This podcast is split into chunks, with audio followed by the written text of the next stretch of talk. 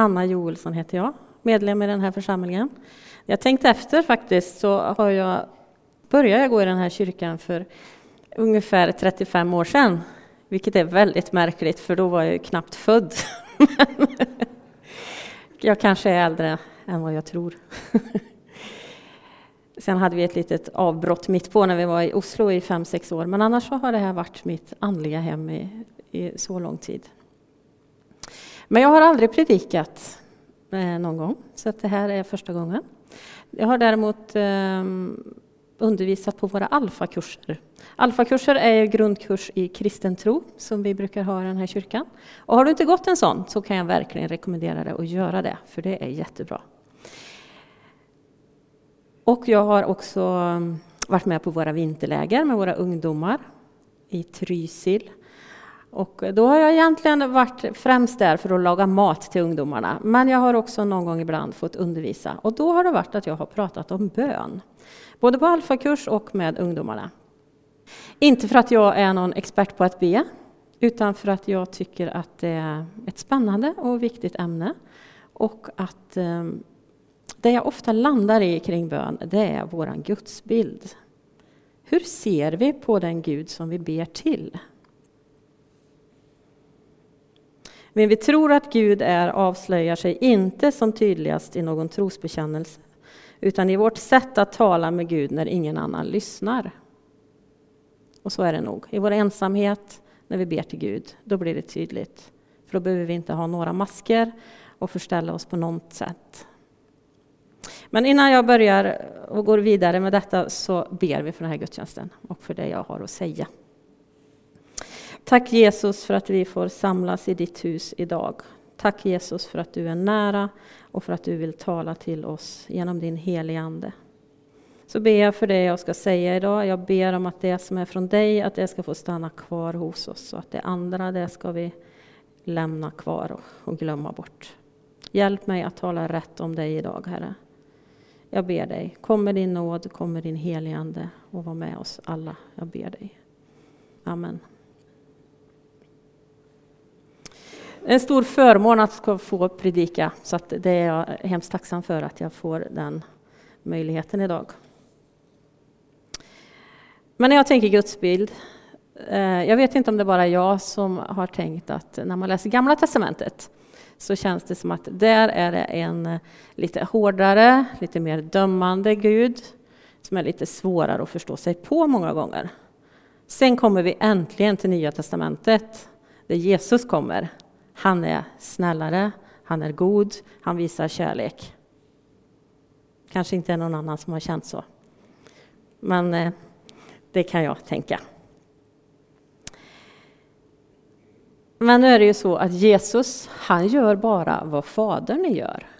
Jesus kom ju för att visa oss vem Gud är, för att vi skulle förstå det ännu mer. I Johannes 5 och 19 så står det men Jesus svarade dem, ja sannerligen säger jag er, sonen kan inte göra något av sig själv. Han gör bara det som han ser sin fader göra. Det fadern gör, det gör också sonen. Fadern älskar sonen och visar honom allt vad han gör. Och han ska visa honom ännu större ting så att ni häpnar. Och i vers 30 i samma kapitel. Men jag kan inte göra något av mig själv. Jag dömer utifrån vad jag hör och min dom är rättvis eftersom jag inte söker min egen vilja utan hans vilja som har sänt mig. Alltså Gud, Fadern. Jesus återspeglar Gud. Gud blev människa och kom till jorden för att vi ska förstå vem Gud är. Och egentligen vet jag inte varför jag och många med mig så ofta tänker att Gud är hård och sträng i Gamla testamentet. Visst, det finns många bibelord som visar att Gud vredgas och att han blir arg. Liksom. Men ofta är ju det för att man har brutit det avtal, det förbund som man faktiskt hade ingått med Gud. Då reagerar Gud. Men annars så finns det många bibelord som pratar om Guds storhet. Och jag hörde för ett tag sedan att i Gamla testamentet så står det 658 gånger om förlåtelse. Så det är inget nytt påfund som kom med Jesus, utan Gud har varit den kärleksfulla och nådefulla guden hela tiden. I Nehemja i Gamla Testamentet i kapitel 9 och vers 17 så står det Men du är en förlåtande Gud, nådig och barmhärtig, sen till vrede och rik på nåd.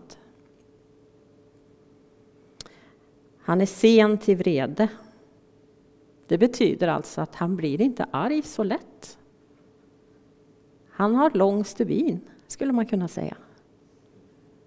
Det är väl ganska skönt att veta.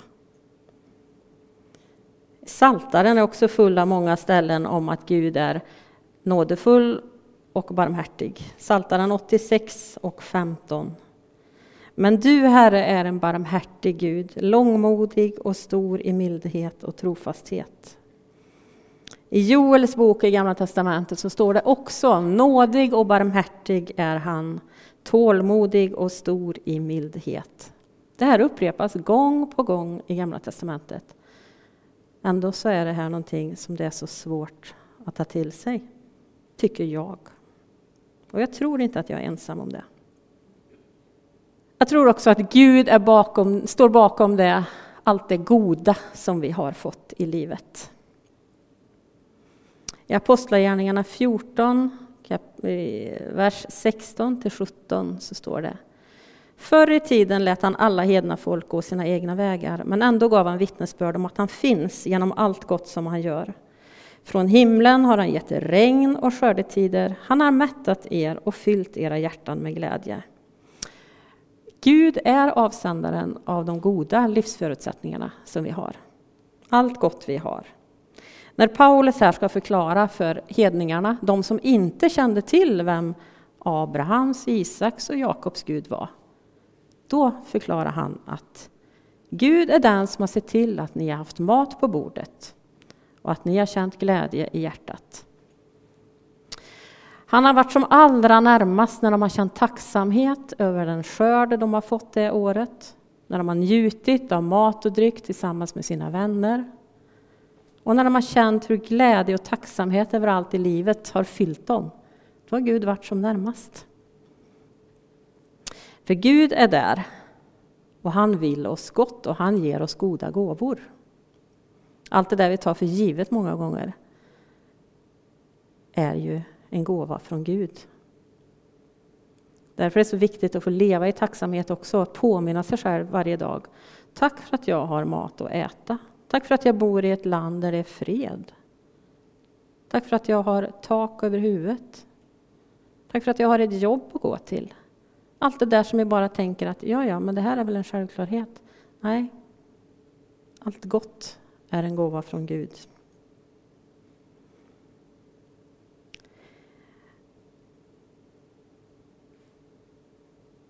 Ehm, en annan tanke jag har, eller fundering,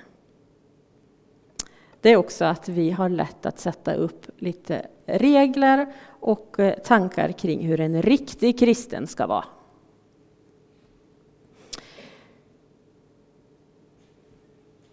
Men det tänker jag att det är bara vi själva som gör det. För Bibeln är full av berättelser som visar på Guds stora kärlek till oss. Och evangeliet det handlar bara om nåd. Ingen av oss här inne kan ta åt sig äran för att vi är kristna. Efesierbrevet 2 är ju ett väldigt känt ställe som vi ofta läser. I vår smågrupp, vi är med i en sån här liten hemgrupp i kyrkan. Och vi har läst Galaterbrevet under vintern och nu hamnar vi i Efesierbrevet, har ett kapitel varje gång.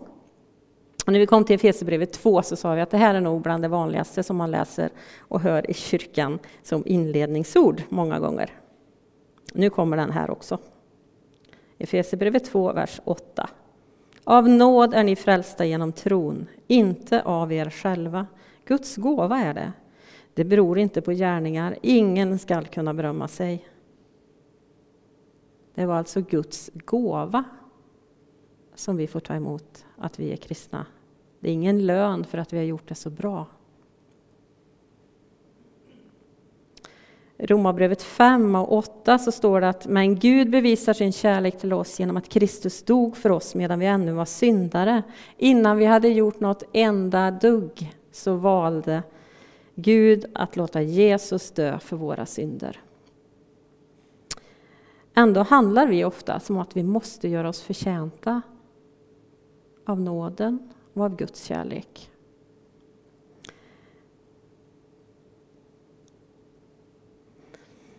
Tyvärr så tror jag att många som har lämnat kyrkan eller som har lämnat Gud och vänt Gud ryggen ehm, gör det på grund av besvikelser. Och det är inte alltid man är besviken på Gud i första hand, men man blir besviken på andra kristna. De kristna som ska vara våra systrar och bröder är med på att förstöra gudsbilden för att vi sätter upp krav, krav och regler och tycker att ah, den där lever ju inte riktigt som han ska. Och det är väldigt tragiskt, men det är också fullt förståeligt, för vi lever i en värld där vi är vana att allt hela tiden ska bedömas. Och kyrkan består av en, en samling människor full av fel och brister, men frälsta av nåd. Och just det här att det är förståeligt, för vi tänker mänskligt och vi lever utifrån att det är vant, man är van att bedöma. Redan från skolan så får barnen betyg, betyg som inte alltid är lätta att leva upp till. Man kan alltid göra bättre, vi kan alltid prestera lite mer. På jobbet så har du årliga samtal med din chef.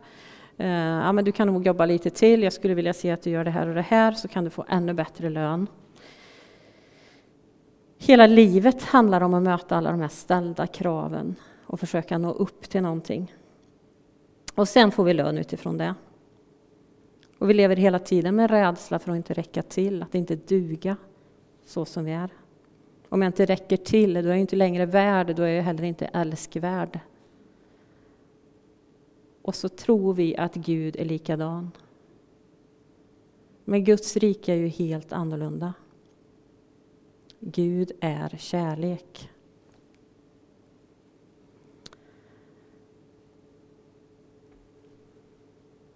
Guds kärlek söker inte ett värde, utan den ger ett värde.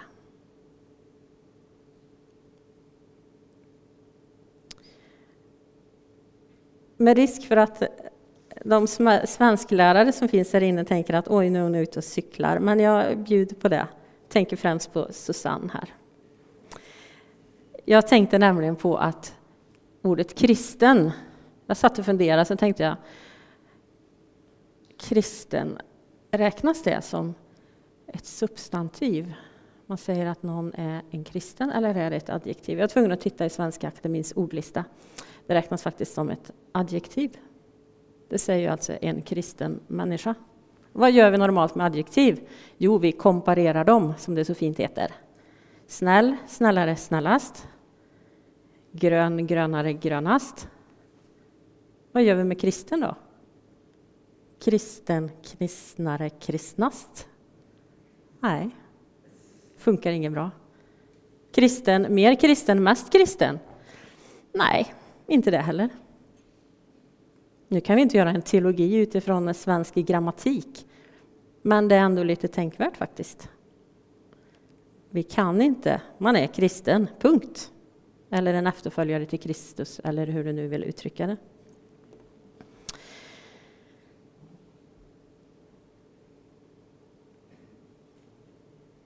Det här är en av de saker som jag tror att vi har svårast att ta oss till, men som också tar till oss, men som också är det viktigaste. Gud älskar dig.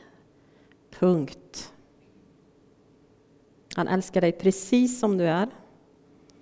Du kan inte göra någonting för att han ska älska dig mer. Du kan inte läsa en vers till i Bibeln, du kan inte läsa en bön till, du kan inte gå på en gudstjänst till. Du kan inte göra någonting för att han ska älska dig mer. Och du kan inte göra något för att han ska älska dig mindre. Han älskar dig redan som du är. När vi bodde i Oslo så lyssnade vi mycket till vår föreståndare där, Egil Svartdal, och han sa många gånger Gud älskar dig precis som du är, men han älskar dig för mycket för att låta dig vara som du är. Eh, en liten paradox, men samtidigt så är det ju så. Vi är oslipade diamanter allihop, tror jag det finns saker i mig i alla fall som kan behöva slipas bort. Då är det gott att i Guds närhet få veta att ja, han älskar mig som jag är, jag får komma dit och så hjälper han mig och, skala bort det där som inte är så, så fint och bra. Men han älskar dig. När du verkligen har fattat det, då kan du börja se på människor i din omgivning med Guds kärlek. Då kan du se och tänka Den här är också skapad i Guds avbild. Jag vet, det är inte alltid lätt att tänka så om alla man möter.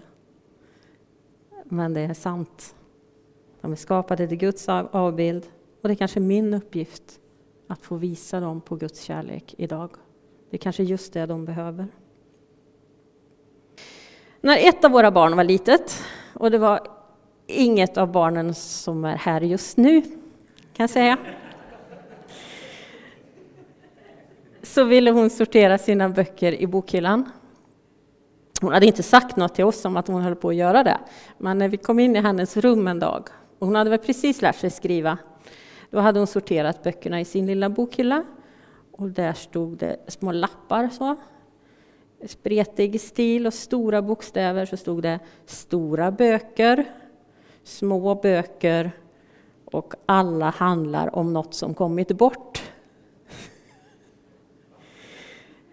Väldigt fin indelning. Det är inte så jag delar in mina böcker, men det gjorde hon. Det får mig att tänka på ett kapitel i Bibeln som handlar om flera bortkomna saker. Väldigt välkänd berättelse det också. Och genom hela Lukas evangelium så går det som en röd tråd att det finns inga hopplösa fall för Gud. Och den mest kända berättelsen som vi ofta landar i, det är ju om att det aldrig är kört. Den finns i Lukas 15. För det mesta så hör vi berättelsen om den förlorade sonen. Men där finns också det förlorade fåret och det förlorade myntet. Och jag tänkte dela några tankar kring det förlorade myntet.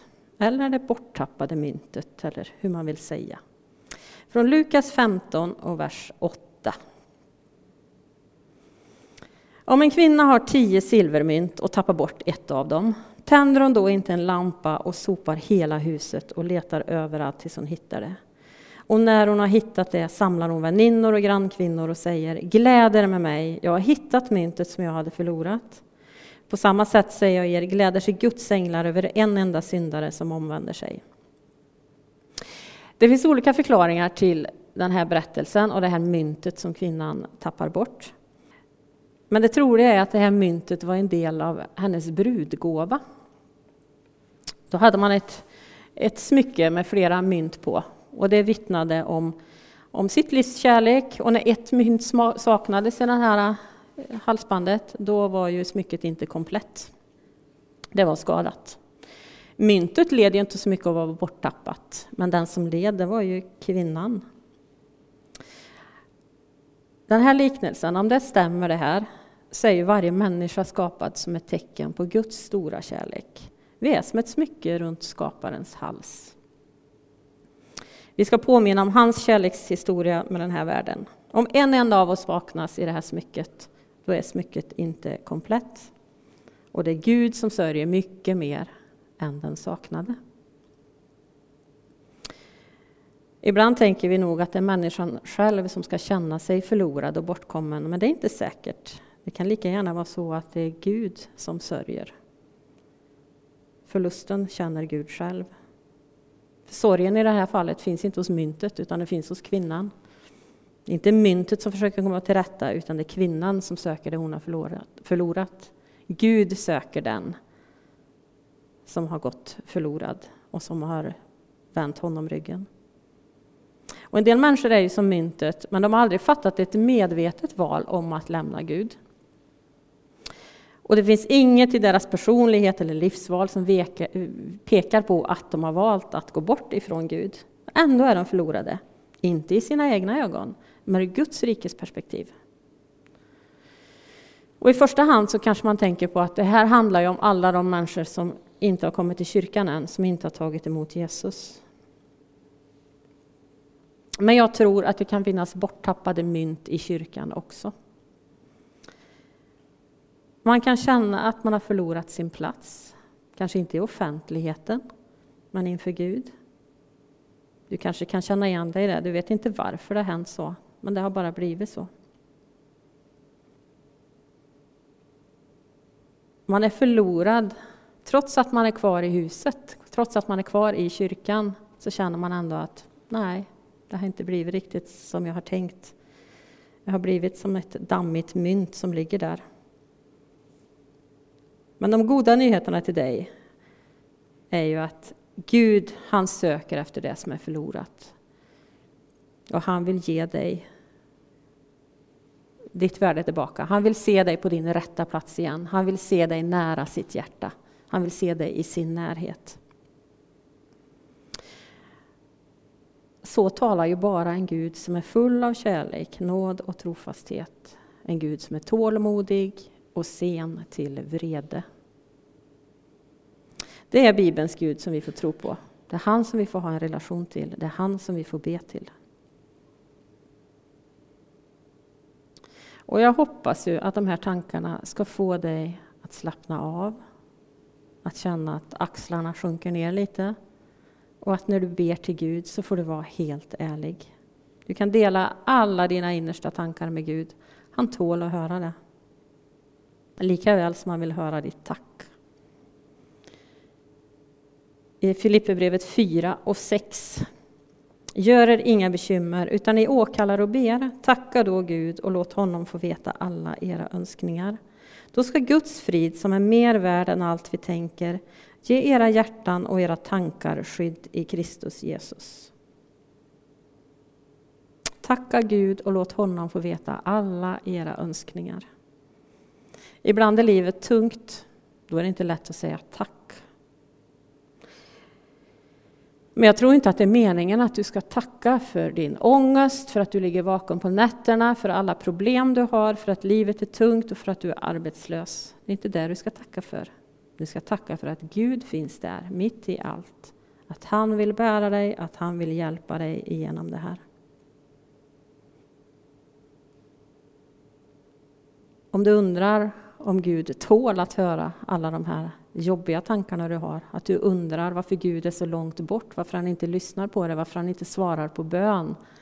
Det räcker att läsa lite saltarsalmer för att förstå att det finns många före dig som har uttryckt sin ja, vrede, sin frustration, sin eh, uppgivenhet inför Gud.